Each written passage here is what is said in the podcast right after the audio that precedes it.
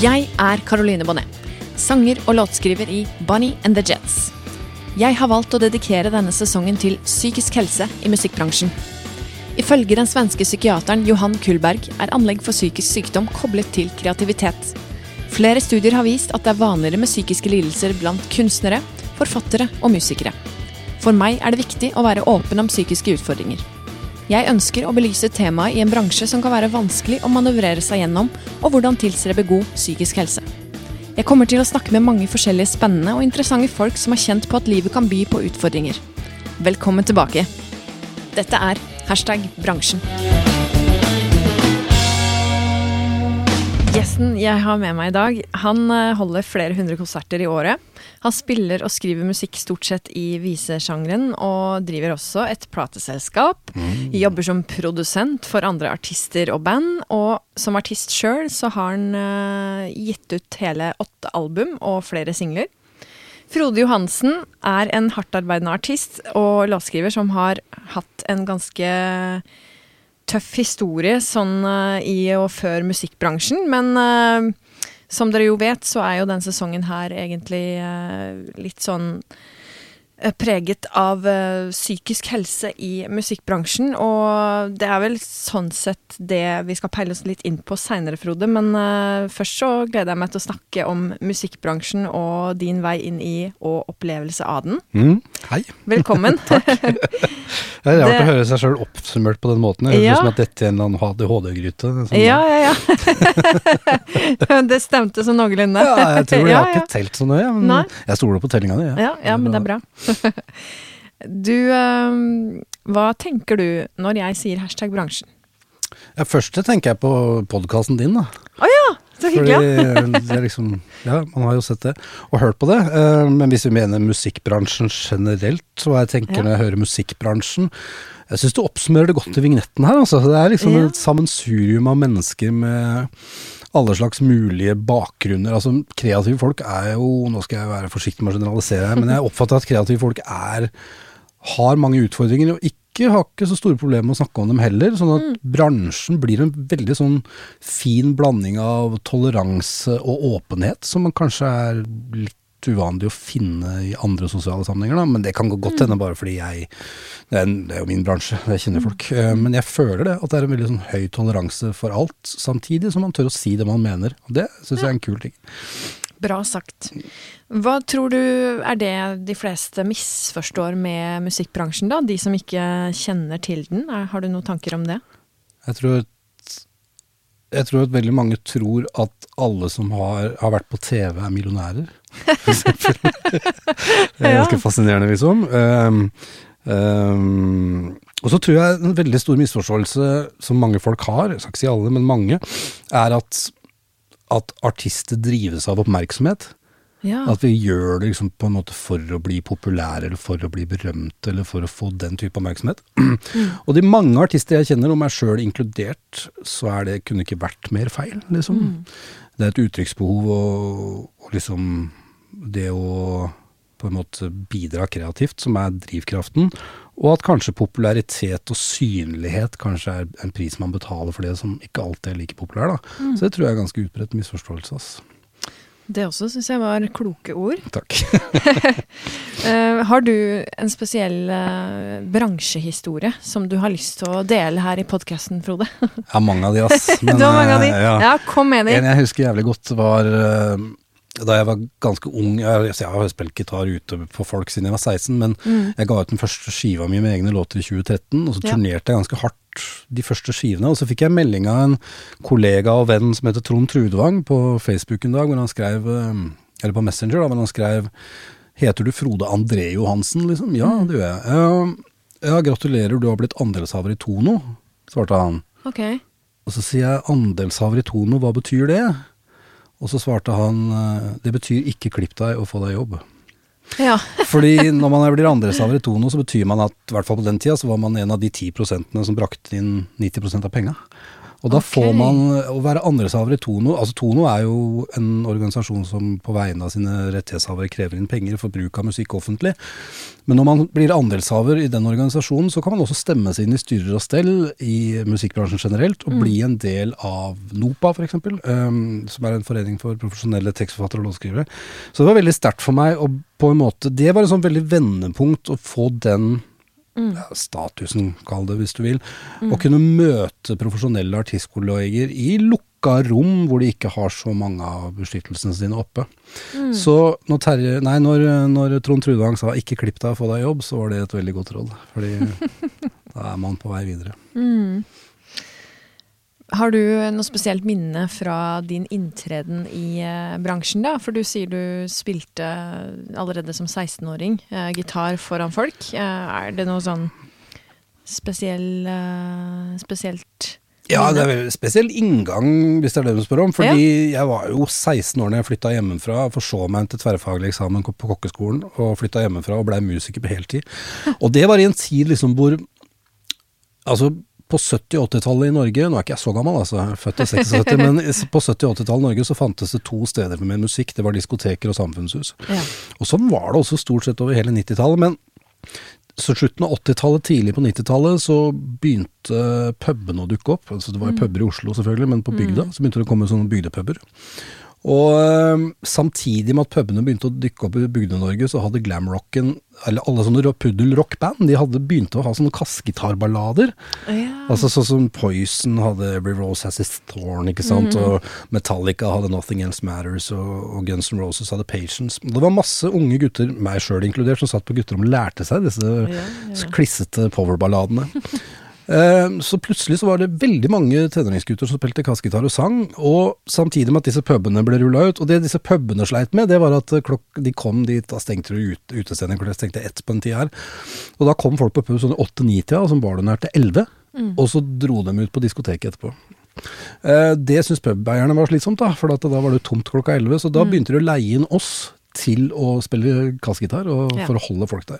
Det er på en måte starten på pubtrubadur-verdenen, altså. Sånn at min også, også på den, Det var mange historier der, men på den tida så var lokal-TV en greie, liksom. Og da ble jeg invitert til å spille på TV Eidsvoll, og så var det en fyr som hørte meg der, som ringte ei dame som het Ann Hjort, som akkurat hadde starta et bookingbyrå for pubtrubadurer. Ja. Og plutselig så hadde jeg liksom 150 spillejobber i året. Og ja. det som er morsomt med det, var at uh, Ann ante jo ikke at jeg var 16. Nei, ok. Så Hun ringte meg liksom tre-fire år senere og sa er du bare 19 nå, men du har jo spilt for meg i flere år. Så jeg spilte på Scotsman i Oslo mange år før jeg var gammel nok til å, til å komme inn der. Og veldig mye av altså de første 20 åra mine i musikkbransjen han, handla om å spille coverlåter på pub, rigge sitt eget anlegg, spille fire timer hver kveld til klokka tre om natta og sånn. Så det var på en måte min inngang, da. Selv om jeg alltid har skrevet låter og sånn. Men mm. ja, det var inngangen. Var det røft? Ja, det er ganske røft, ass. Hvis min 16 år gamle datter hadde begynt på samme Eller hvis min datter hadde begynt på samme løypa når jeg var 16, så hadde jeg vært meget bekymra. Og spesielt på 90-tallet, hvor det var ikke så jævlig mye Jeg husker Ann Hjort alltid sa at eh, hun bookingagenten sa alltid at ingen av våre trubadurer drikker på jobb. Hadde det som slagord, liksom. Og det sier jo Ja. ganske mye. For et bookingbyrå Det- å ha det som slagord. Men, Det- men poenget er at det var ingen som brydde seg om det slagordet, fordi pubeierne drakk på jobb, dem òg. Så det var, mm. det, var, det var et røft miljø. Og det var og økonomien var helt annerledes. Det var jo ganske mye cash rett i lomma på en Ja. 16-åring fredag-lørdag, og så sørge for å bruke opp det på til neste uke, liksom. Så det var, eh, det var røft for en 16-åring, det der, altså. Absolutt. Mm. Og du forteller jo da at de hadde slagord Hva var slagordet, sa du?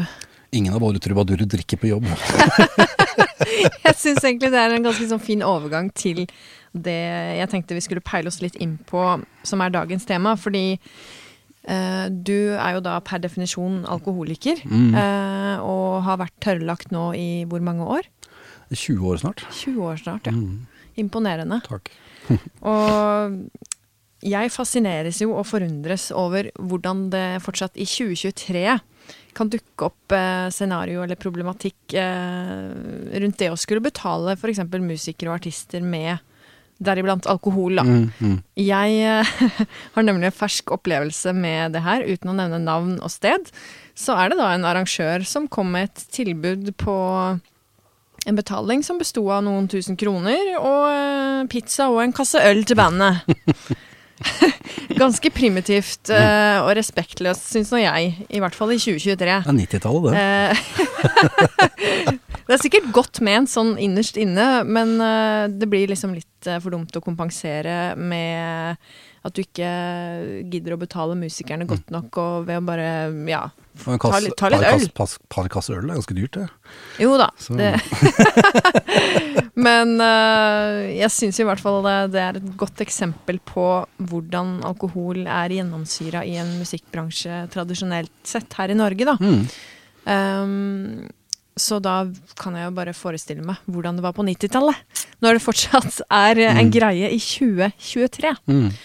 Men øhm, har du lyst til å fortelle litt, Frode, om hva Når du på en måte Når det gikk opp for deg at du hadde et alkoholproblem, og hvordan det har vært for deg å fortsette i en musikkbransje som da kanskje er et av de verre stedene og sånn sett skulle Ja, holde seg unna alkohol, da. Jeg vet egentlig ikke om musikkbransjen har kanskje et litt ufortjent dårlig rykte der. Jeg har jo spilt for rørleggere, og jeg. Og elektrikere og, og finansfolk, for den saks skyld. Det er mye rus overalt, tror jeg. Jeg tror alkohol er en helt naturlig Unnskyld. Det er et helt naturlig del av hverdagen vår, og det å ruse seg er også dypt menneskelig.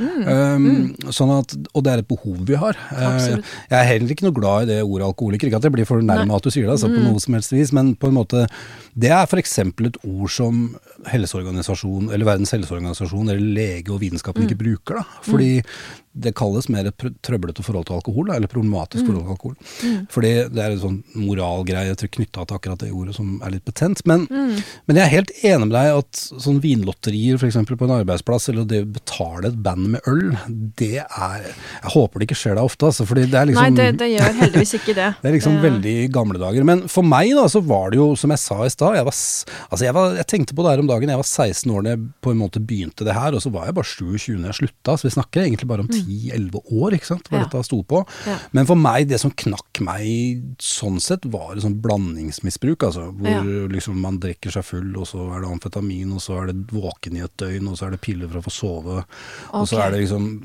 man går på sånne runder som det, og så er man veldig, veldig ung, altså i hvert fall var jeg det, og veldig lite perspektiv og veldig lite konsekvenstenkning, og det trenger man på en måte ikke når du får penger kasta etter deg som ung mann.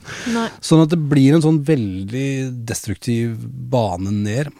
Men det å være nykter i musikkbransjen, det er ikke så vanskelig, egentlig. Jeg har opplevd at arrangører har sagt at jeg spiller dårligere for når jeg ikke drikker lenger og sånn. Men det er liksom, det er jo cowboyarrangører som jeg ikke trenger å ha noe mer med å gjøre, og Ja. sier mye om dems forhold til alkohol. Men det som er utfordrende med å leve sånn uten å drikke, det som har vært utfordringen for det, med det er at det, oppstår det er en eller annen fyr, jeg husker ikke hva, en gammel poet eller forfatter som har sagt at jeg stoler ikke på en mann som drikker vann. Og det handler litt om det sosiale i det, fordi at hvis, hvis du og dine venner skal sitte sammen med meg en kveld, og dere skal drikke øl og jeg skal være edru, så vet dere underbevisst på et eller annet nivå at her skal jeg sitte, eller du, her skal du sitte og drikke øl og kose deg, og du vet at du skal bli brisen, og etter hvert så skal du si dumme ting og kanskje gjøre noen dumme ting, og så vet du at jeg sitter der og er edru. Og det kan være litt utfordrende, ass. både for meg som er edru, og for den som drikker, ikke minst. Da. Og det kan føre til en litt sånn sosial distanse, som ikke er ment, men som blir litt sånn at vi ber ikke han, for da må vi holde oss Ja. i tøylene, liksom. Ja, det, Og så har jeg opp, har en litt sånn opplevelse at man av og til blir satt litt på en sånn pidestall av andre, at liksom jeg blir litt farlig, da.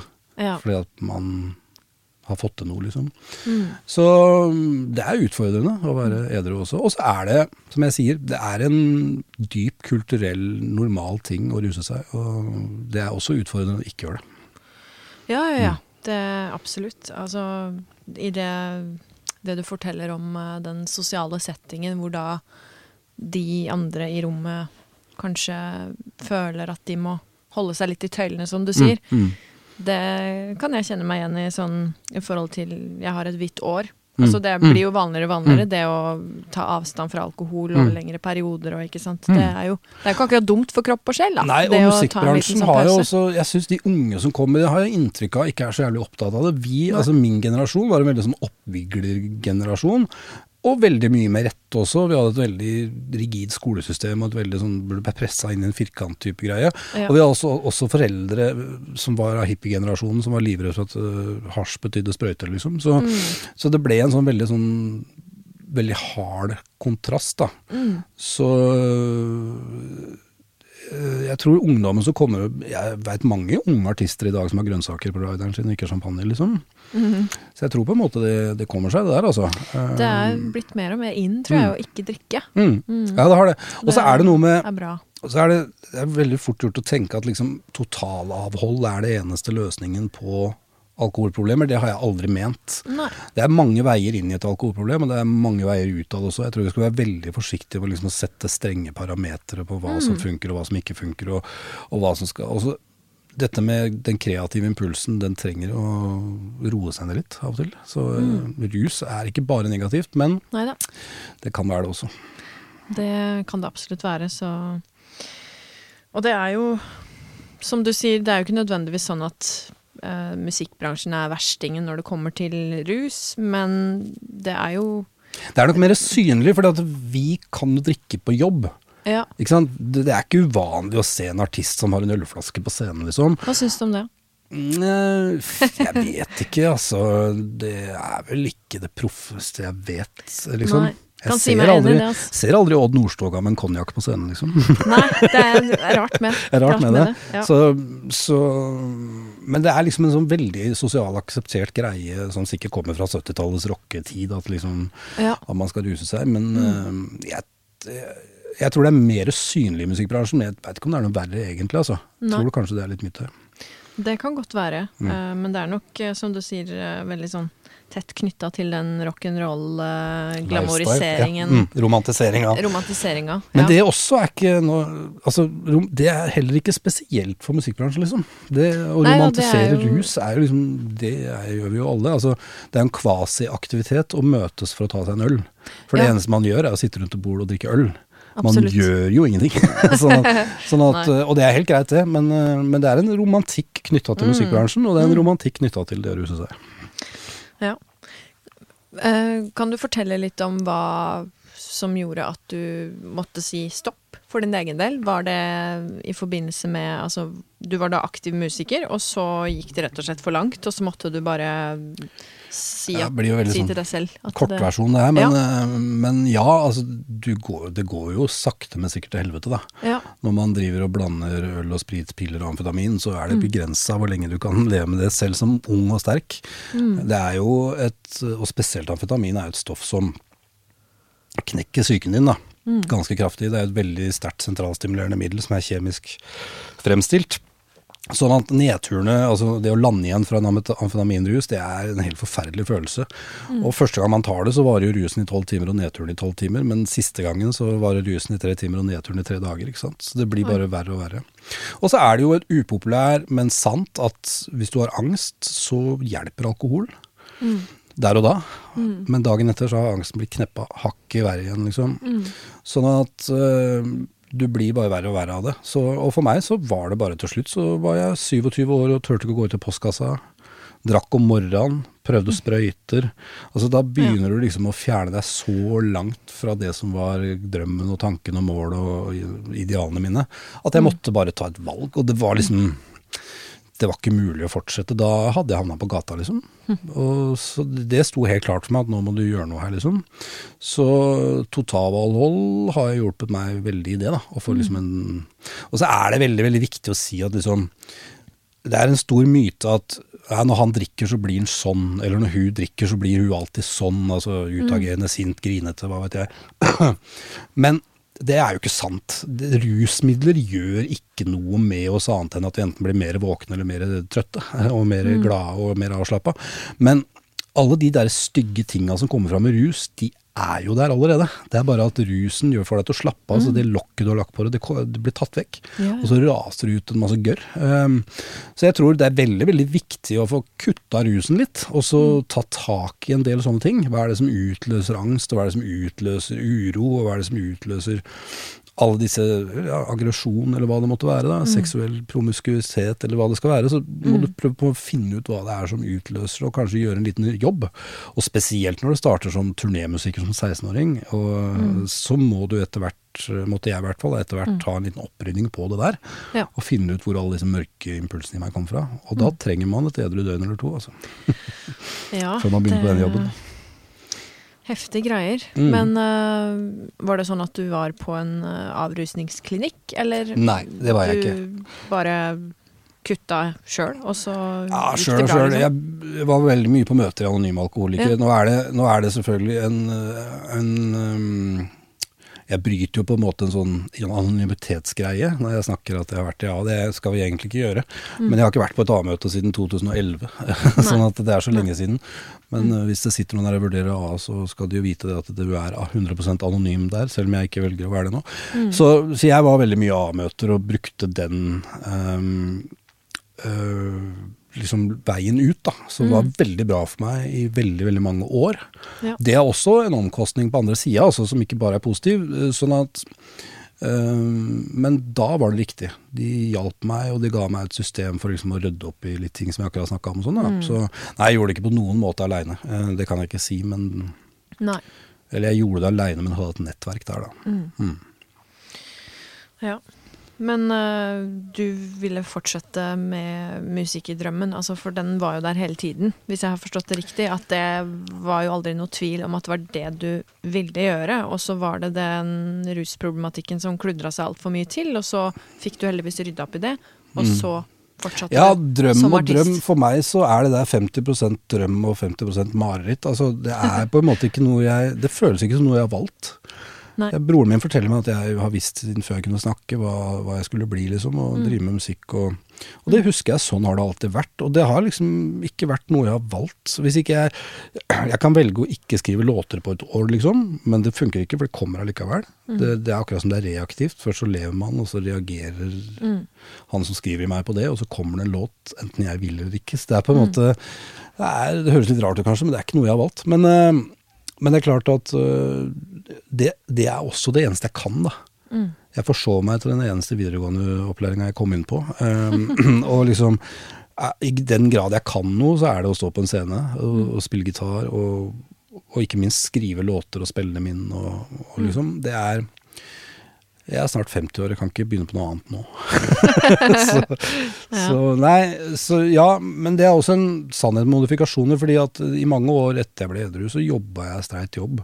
Ja, ok. Um, Hva var det for noe da? Jeg jobba i telebransjen. Jobba Ja. Mm. med salg av telefoniløsninger og sånn.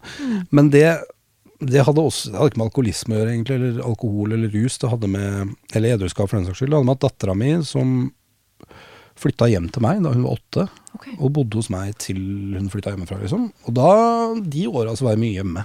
Jeg kunne Ja. ikke reise så mye da. Nei. Jeg tok det ansvaret der så på alvor som jeg kunne.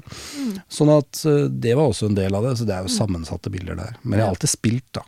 Jeg spilte jo da også. Mm. Mm. Mm. Føler du at tekstene dine mm, farges av bakgrunnen din? Ja, det håper jeg. Ja. Altså, Hadde jo vært rart hvis jeg ikke ja, gjorde det. Ja, det hadde vært jævlig rart. Jeg er ikke en sånn artist som sitter og skriver poptekster om Nei. kjærlighet, sånn at øh, det viktigste for meg på en måte i musikken min er at jeg prøver å skrive noe som er, handler om meg, men som kanskje er allmenngyldig. Nei, ikke egentlig allmenngyldig heller, men at det treffer noen som har det som meg. da. Mm. Om det er få eller mange er ikke så farlig, men at det treffer noe i de som har det sånn. Mm. Og så er jo ikke alle låter for alle, som vi vet. Sånn at noen treffer dem, og noen treffer dem. Og det syns jeg er veldig fint, altså. Så jeg håper at jeg er til stede i mine egne låter, og det var rart om jeg ikke var det. Ja.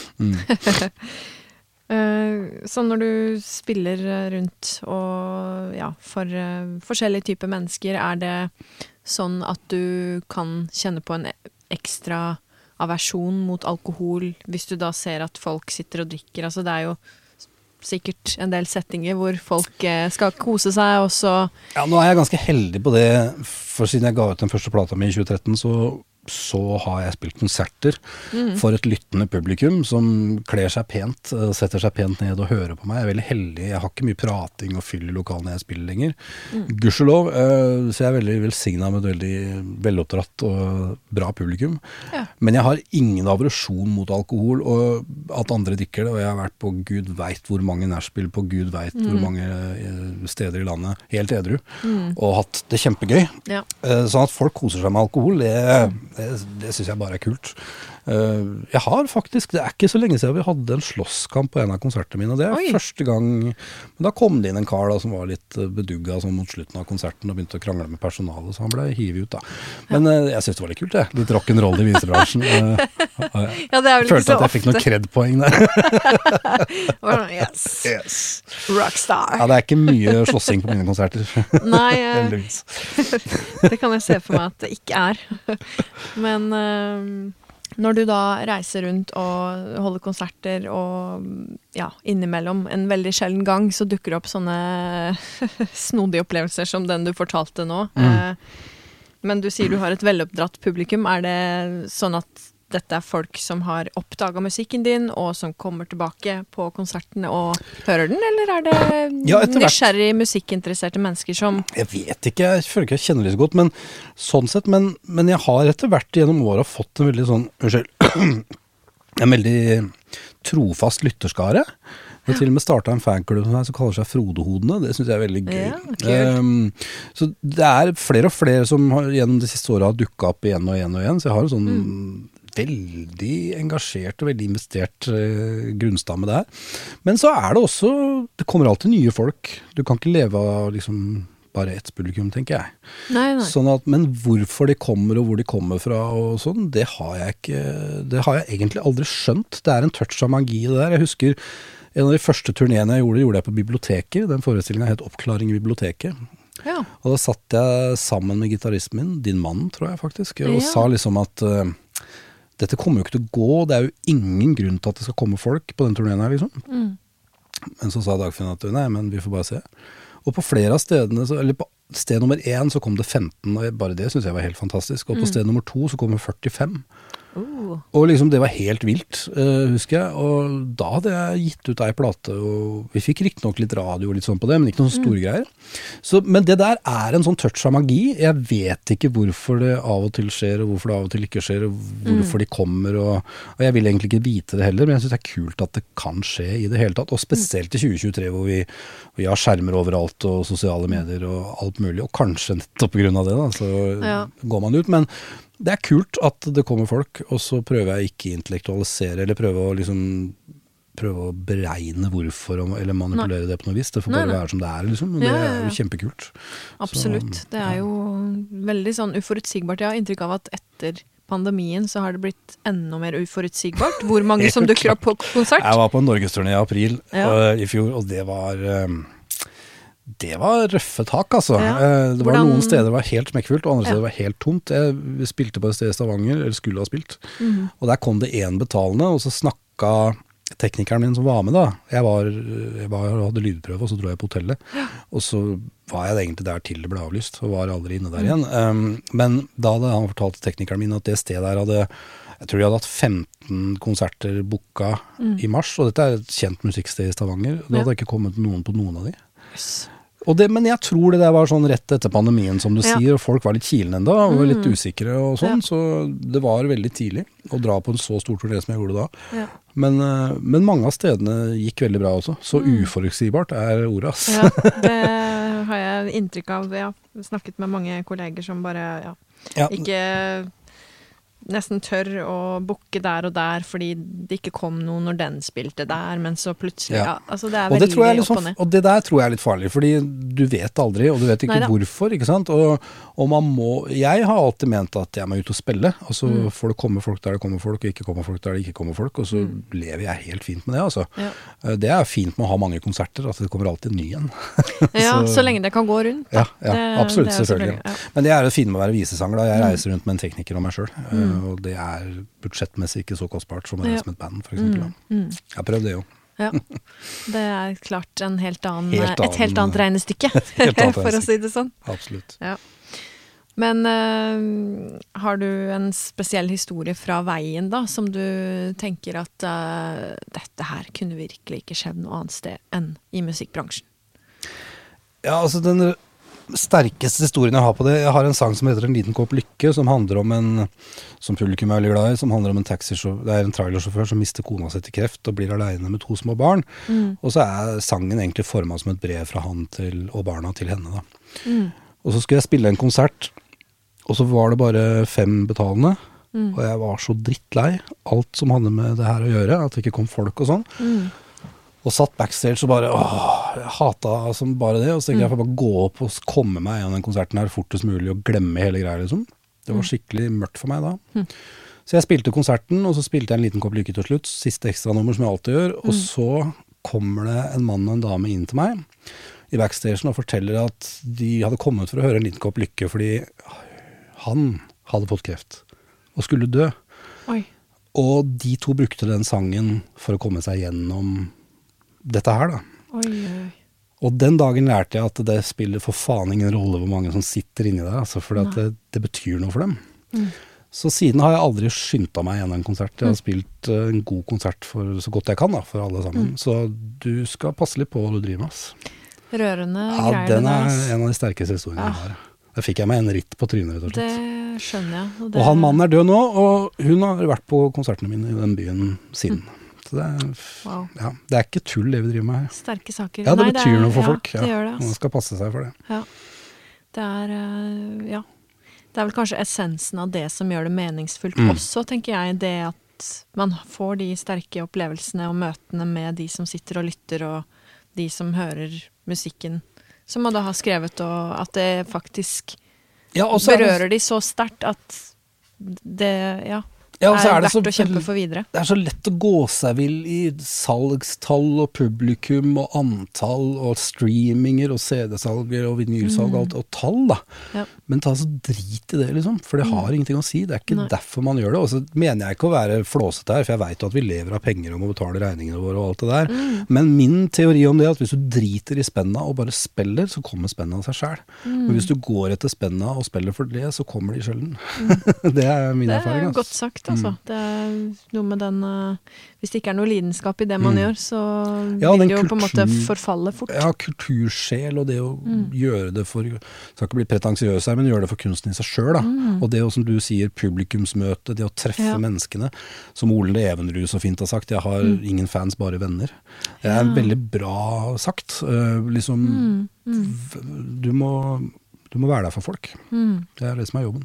Ja, det var en sterk historie. Det, men den var da skrevet av en sånn opplevelse du hadde hatt, sannsynligvis fra noe du plukka opp og Ja da, den. Liten kopp lykke er jo en av de store låtene mine, i hvert fall på konsert, og Ja. den skal folk liksom høre. Um, så det er en impuls, ja, og liksom en versjon av en historie jeg har hørt. mm. Mm. Har du noe råd til eh, de som skal ut i musikkbransjen nå, sånn med tanke på Altså Eller noe råd du ville gitt deg sjøl i en alder av 16? Ja, og det er egentlig det jeg akkurat sa. Drit i de spenna, altså. Fordi Mm. jeg har sett jævlig mange pubtrubadurer, spesielt, og når jeg sier pubtrubadurer, så mener jeg ikke å være Altså, jeg har stor respekt for de folka som reiser rundt og spiller tre-fire ganger 45 minutter med coverlåter. Er De har en hardt. stamina og en, eh, en leveranse som er helt fantastisk. Og, men jeg har også sett veldig mange i den bransjen som er jævlig flinke, og som egentlig drømmer om å være artister. Mm. Og så sitter de og på en måte venter på sjansen, som om man bare får én, og så gjør de ingenting sjøl. Og, Mm. og det er ikke så lett å slutte med det der fordi du tjener så mye penger på det. Eh, Du kan leve av det. Du kan mm. ta opp lån og kjøpe hus. Du kan etablere familie. Um, og da er det ikke så lett å bare kutte ut det og si til kona eller mannen sin at jeg skal kutte ut det her nå for å bli artist, og så skal du gå tilbake til å tjene en kasse øl, da, som du sier. Så det er et jævlig tøft valg å ta, men hvis jeg skulle gitt et råd til unge meg, så er det å drite i de spenna, og følg det der inni deg som vil skrive og skape og lage, og reis rundt og spill det, og spill det gratis om så, liksom. Gå på jams, gå på klubber, spill, spill, spill, spill, spill, spill. Så skal du se at det spenngreiene ordner seg etter hvert. Uh, men så tror jeg også det er veldig viktig å si til den unge meg at liksom, ha litt ryddighet i økonomien din. Uh, få litt hjelp til det der. Med regnskap og selvangivelser og, og sånn. Fordi For det vokser seg til tårn. Ja. Som du må betale på i mange år. Eh, så det å ha litt ryddighet Jeg husker, jeg tror det var Sjåvard eller Aslak eh, en av gutta Hellbillies i hvert fall, som sa at det beste du kan gjøre, er å ha et band hvor trommeslageren er revisor. Som han er i Helblis, For da, da ordner dette seg helt sjæl. Det er ikke dumt, altså. Så, men det å ikke følge penga, men samtidig ha kontroll på dem, tror jeg er lurt. Og ikke Mm. går jeg vill. I dag så er det fryktelig lett å gå seg vill i businessen av ting. Altså jeg, Mm. altså jeg kan på telefonen min her og nå, Karoline, som du vet, så kan jeg gå inn her og så kan jeg sjekke hvor mange billetter jeg har solgt på hvert eneste sted på den kommende turneen min. Ja. Jeg kan gå inn og se hvor mange som streamer musikken min akkurat nå. Mm. Ja. Eh, Jeg kan gå inn og se hvor mange som har sett annonsesettet til turneen min. Mm. Det er en veldig hands on ting å ha, og veldig fort gjort å gå seg bort i. Ja. Eh, For det der har ingenting med saken å gjøre, egentlig. Nei, nei, nei. Eh, Gjør markedsføringa di, og få gjerne noen andre til å gjøre det der for deg. For det det er en veldig I dag så skal artister være både manager og plateselskap og, og liksom alt i ett. Og da er det viktig å balansere de tinga der riktig, fordi Mm. det minst viktige er businessen, og det viktigste er kunsten. Ja, det er uh, veldig lett å gå seg litt bort der og kanskje bruke for mye tid og fokus og Det er så mange distraksjoner i dagens Ja, samfunn, ikke sant? Og det fører til en så vanvittig eh, stress, innvendig stress, i hvert fall for meg.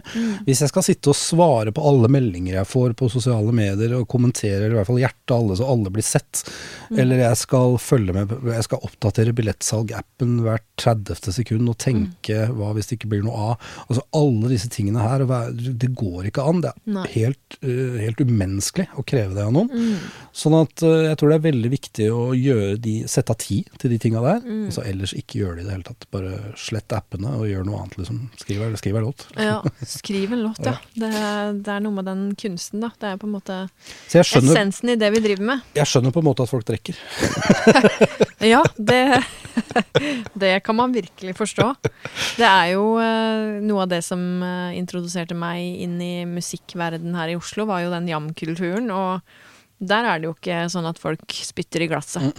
Der er det jo veldig mye øl, og jeg har jo også inntrykk av at de som er husbandene, ofte ja, får slikk og ingenting, og så er det liksom fem øl eller ja, noen bonger eller et eller annet for å spille der. Og det er klart, den vage grensen mellom det å ville opp og fram og på en måte vise det man har, samtidig som man vil bli tatt seriøst og kanskje trenger pengene. Altså det er jo veldig Ja, er- sånn vanskelig greie, det der. Det er kjempevanskelig. Og så er musikkbransjen For meg så er musikkbransjen veldig todelt. Det er på en måte det som du sier med jam- og coverlåtbransjen og sånn, er én bransje. Og så har du artistbransjen med alle sine nyanser, da, fra små artister til store artister, som har en annen greie, syns jeg. Jeg tror ikke at en lokal gitarist, uten å fornærme noen, uten at jeg tenker på noen heller, men, men en lokal gitarist som spiller for øl på den lokale puben på Jam hver torsdag i 20 år, har vel neppe kommet veldig langt, altså. Fordi det å, det å satse som artist og ta en sånn karriere på alvor, det er en veldig, veldig stor jobb, og Ja. den slutter aldri. Fordi Nei. suksess er ikke noe du har, det er noe du har hatt og kan få igjen til enhver tid, liksom. Du må hele tida jobbe. Så jeg har ingen tru på at du liksom at du kan lage bra kunst når du er dritings døgnet rundt, altså. Og, og liksom Nei. gjøre det for en øl, liksom. Nei. Jeg, um, Nei da, jeg jeg, ser den, og jeg er veldig enig i det du sier. Men samtidig litt tilbake til det du snakka om, at ja, spill, spill, spill. Mm, altså, mm, mm. Da tenker jeg på de som sitter og lytter nå og er litt Mm. sånn nysgjerrig på hvordan Jeg har lyst til å spille, jeg har lyst til å leve av musikk, men øh, spill eller sp Ja, hvor skal jeg spille? Ja. Hvis det ikke er på jam, liksom. Hvordan får jeg booka meg jobber? Hvordan Altså, hvordan går den veien seg til, da? Det, det, er, litt vanskelig. jeg kan si om det. Altså, det er jo, den tradisjonelle veien er jo å skrive en bra nok låt, eh, Mm. sånn at du får en platekontrakt og får profesjonelle folk rundt deg til å hjelpe deg. Det er den tradisjonelle veien. Den også begynner å bli ganske vanskelig, fordi at det er jo søkkende mange plateselskaper. og Og disse stakkars radioprodusentene, de får jo 500 låter om dagen, ikke sant, året rundt. Og det er helt umulig å komme inn på listene, fordi radio har blitt mer og mer formatert. Men på den annen side så er jo radio halvert, bare de siste ti åra, i lytterantall. Ja. Så man har mulighet til å spille, pitche seg til Spotify-lister og alt sånt. Så det er den innspillingsmessige veien. Jeg veit ikke om man skal starte der, egentlig. Jeg tror egentlig man skal Nei.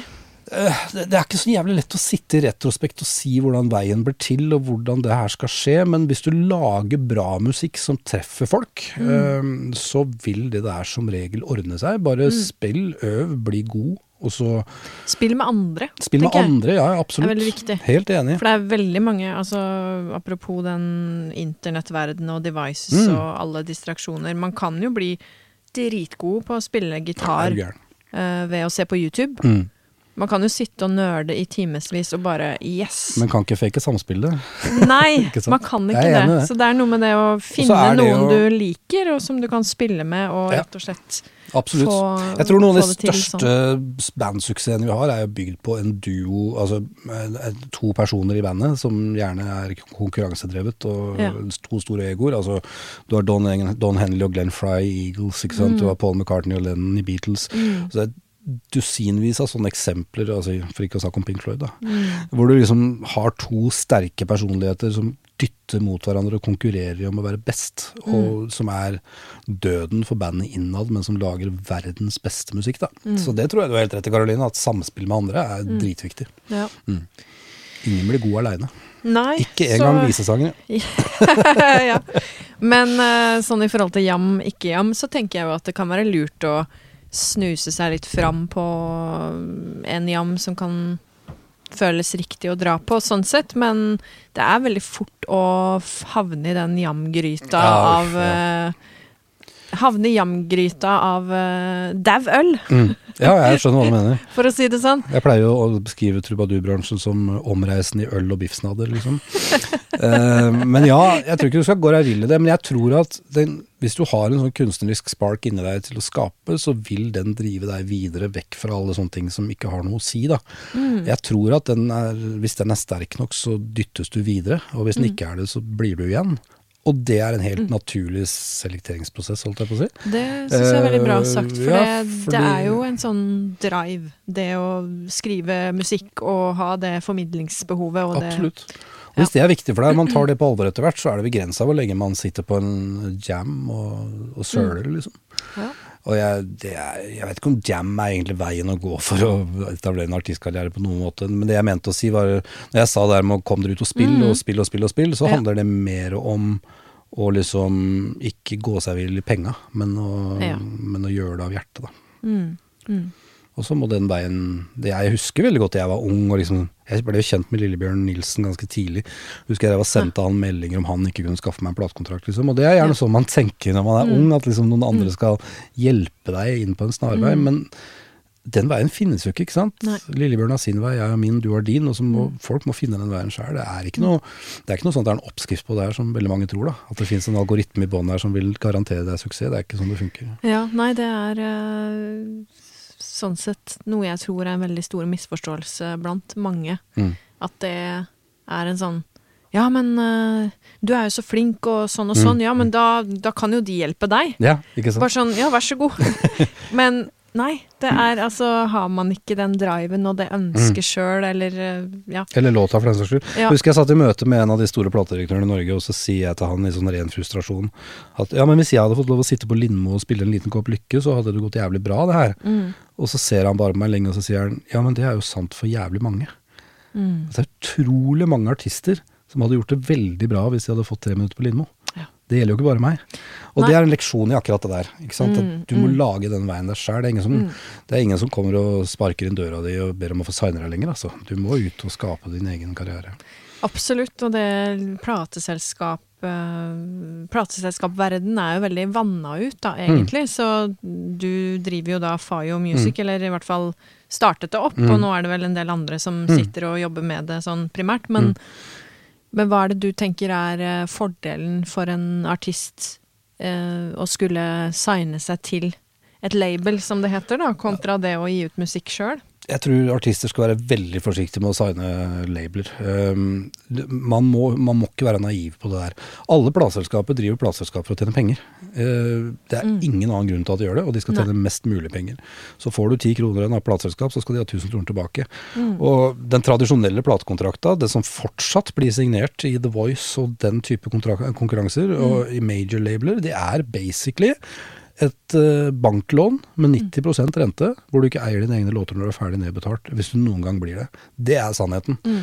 Og de som tjener penger, er plateselskapet. Og så kan man godt si at hvis man skal ha en kontinuerlig suksess på et internasjonalt popmarked, så mm. trenger du major label. Altså, mm. Du klarer ikke det aleine. Må bare, da må du være villig til å gi fra deg de penga og betale mm. de regningene. Mm.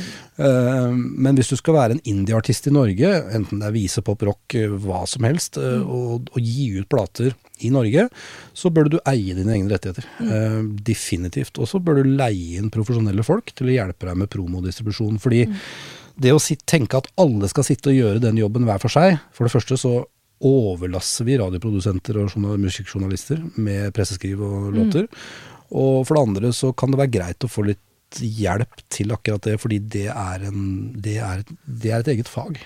Ja. Uh, man skal kunne det, og man skal mm. ha kontakter som er i orden. Og så er det veldig viktig å si at selv om du leier inn eksterne promotører, så er ingen snarvei til suksess, det er mer et lodd.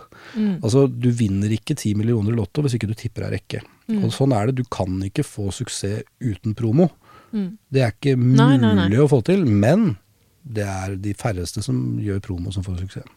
Mm. 90% går under radaren, og 10 over, går over. Og det er mm. ingen av plateselskapene vet, som vet hvorfor de som går over, går over. Og de som går under, under. Hadde de visst det, så hadde de gjort det samme hver gang. Mm. Ikke sant? Sånn at jeg vil anbefale folk å eie sine egne rettigheter, men få mm. hjelp av profesjonelle folk til å gjøre deler av jobben. Og det ja. sier jeg også til Amund Mårud har sagt det er jævlig bra. Mm. Det folket, eller bandet gjør feil i dag, er at de bruker 100 000 på innspilling og 5000 på promo. Ja. Når de egentlig burde brukt 5000 på innspilling og 100 000 på promo. Ja. Fordi det er der man gjør musikken kjent. da. Og det er selvfølgelig en uh, overdrivelse for effekt, men, men det som er sant, er at hvis, hvis, du har råd, hvis du har den sekken med penger for å gå og spille inn en skive, mm. så må du ha, bruke halvparten av den sekken til promo. Hvis ikke så er det ikke noe vits å spille inn skiva. Nei. Fordi at å gi den ut på Spotify sjøl og så dele det på Facebook, det har ingen effekt. Så, Nei, nei da. Det begrenser seg veldig. Mm. Men jeg vil være veldig forsiktig med å forvente hva et label skal gjøre for deg mm. som artist. Mm. Det er jo veldig ærlig sagt. Uh, av en som eier et av label. En som eier et label. Det setter jeg veldig pris på, Frode. Ja, det Men uh, tenker du at det er en større andel med skjøre sjeler i musikkbransjen enn ellers? Definitivt. Altså ja, I alle kunst, kunstneriske former så er det det. ja. Det uttrykksbehovet kommer jo fra et sted. Ja. For min del så handler det om å føle seg sett, det føles, å føle seg inkludert, som jeg ikke har vært veldig berika med i min oppvekst. Liksom. Mm. Det å få det at jeg mot alle odds, som var ikke en taper på skolen, men i hvert fall en klovn, og relativt uinteressert, mm. at jeg kan stå i et rom fullt av folk, 250 mennesker i en sal, og få applaus. Mm. Det føles som en seier for den lille barnet inni meg, ikke sant, som mm. ikke fikk det. Så det ligger definitivt mye sånn den type nevrotisisme i meg, da, som på en måte og det tror jeg er veldig felles for alle kunstnere. Mm. Um, det tror jeg virkelig på, altså. Og, mm. og, hvis du har en langvarig karriere i musikkbransjen, stor eller liten, så er det fordi at du klarer å uttrykke noe som andre kjenner seg igjen i. Eh, det tror jeg er viktig. Absolutt. Mm, sånn absolutt. at eh, Ja, jeg tror absolutt vi er litt mer skadeskutt enn eh, en folk flest.